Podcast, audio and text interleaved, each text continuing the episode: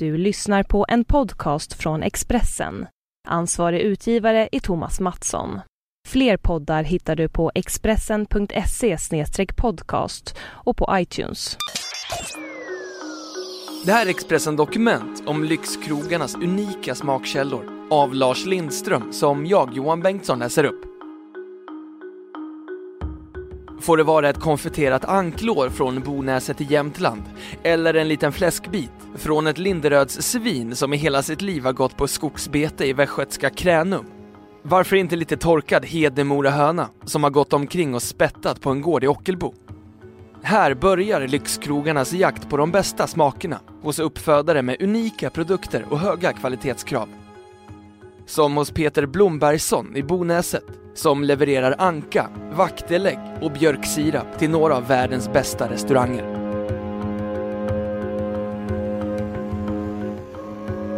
Esperanto i Stockholm blev för andra året i rad utsedd till Sveriges bästa restaurang av White Guide.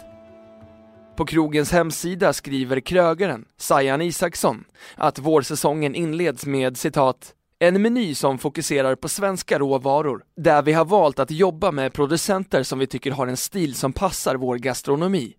Det vill säga råvaror framtagna ur ett väldigt högt kvalitetsperspektiv med respekt för djur och natur." Slutcitat. Nyligen delade Michelin-guiden ut stjärnor till de bästa krogarna och två stjärnor gick till Mattias Dahlgren och restaurang Franzén i Stockholm, liksom Noma i Köpenhamn.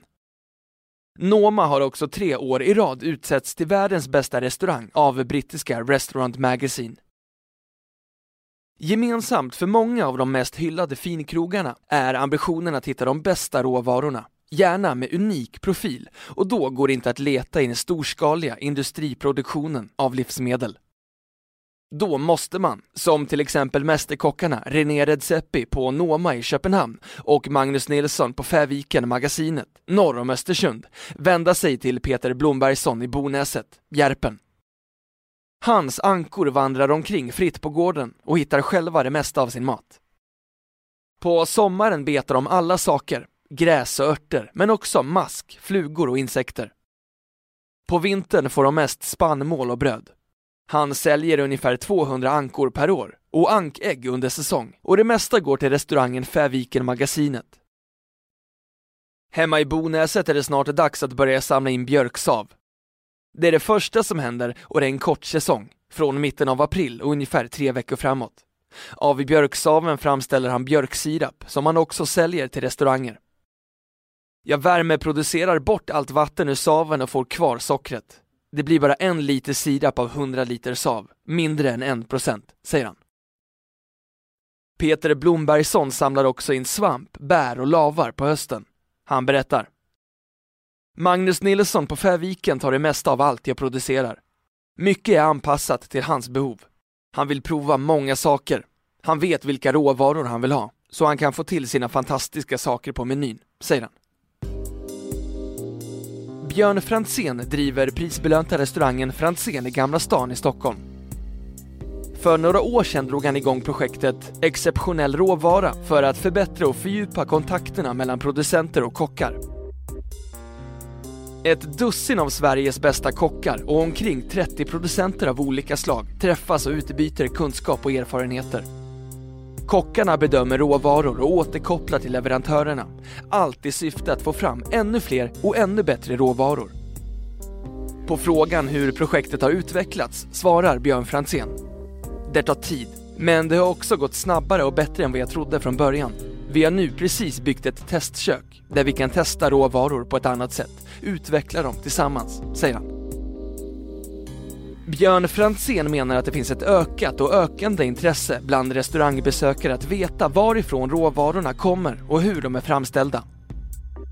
För mig är smak alltid viktigast och det tenderar att vara så att råvaror som produceras av någon som verkligen bryr sig är bäst.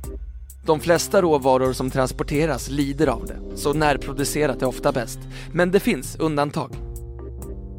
Johan och Linnea Widing driver ekojordbruket Bokeslundgården söder om Hörby i Skåne. De jobbar med svenska lant och kulturraser, har kor, får och olika fjäderfän och levererar kontinuerligt till restaurang Bastard i Malmö. Hos Mattias Dahlgren i Stockholm kan man hitta deras kulturraskyckling på menyn. Johan Widing skriver även bloggen Bokeslundsgården, där intresserade kan följa med ut i hagar, stall och skog för att se hur de arbetar. Där kan vi bland annat läsa om och se bilder på hur de varsamt packar avelsägg för att skicka med posten.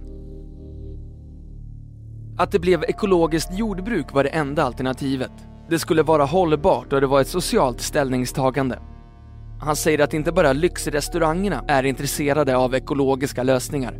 Kunskapen hos vanliga konsumenter ökar också.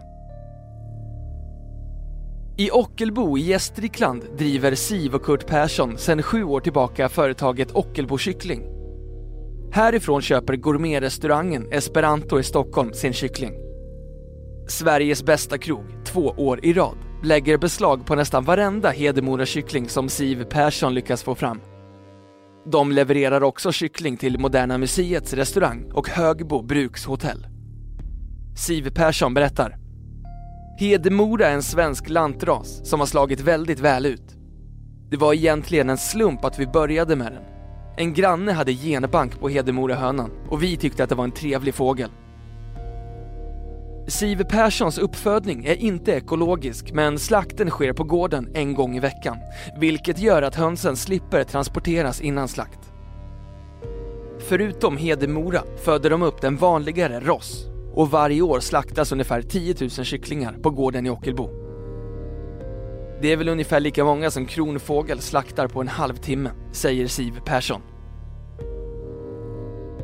På Halla lantbruk utanför Kvänum går några svartfläckiga och lite rundare grisar omkring och bökar i skogsbrynet. Här föder Anders Gunnarsson upp så kallade linderödsvin, en ras som enligt stjärnkrögaren Björn Franzén är enastående. Det är därför hans krog köper av Anders Gunnarsson. Björn Franzén säger Jag går efter parametern smak och där är linderödsgrisen outstanding. Men varför blir just det här grisköttet så bra? Anders Gunnarsson försöker förklara. Till att börja med är det förstås rasen. Det är en gammal svensk lantras, helt oavlad och på 50-talet nästan helt utrotad. Den är inte avlad för att ge så många kotletter som möjligt. Den tar mer än dubbla tiden på sig att bli klar jämfört med en vanlig gris. Sen är den byggd för att gå utomhus och ha lite starkare ben. Jag brukar ha dem utomhus på skogsbete hela livet, året runt. Jag ger dem havre, korn, rågvete, vete och åkerböna för proteinens skull. Anders Gunnarsson har 12 linderödsuggor och en galt. De genererar omkring 100 slaktgrisar per år. Han föder också upp rapsgris som käkar kallpressad svensk rapsolja och där kan han leverera 8500 grisar årligen.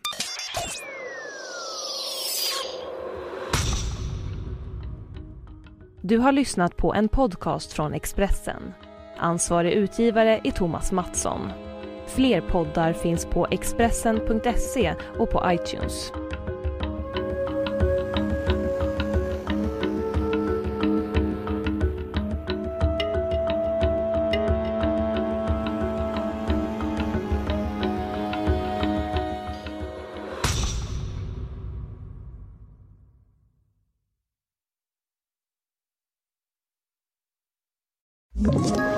Ett poddtips från Podplay. I podden Något Kaiko garanterar östgötarna Brutti och jag, Davva, dig en stor dos skratt. Där följer jag pladask för köttätandet igen. Man är lite som en jävla vampyr. Man har fått lite blodsmak och då måste man ha mer. Udda spaningar, fängslande anekdoter och en och annan arg rant.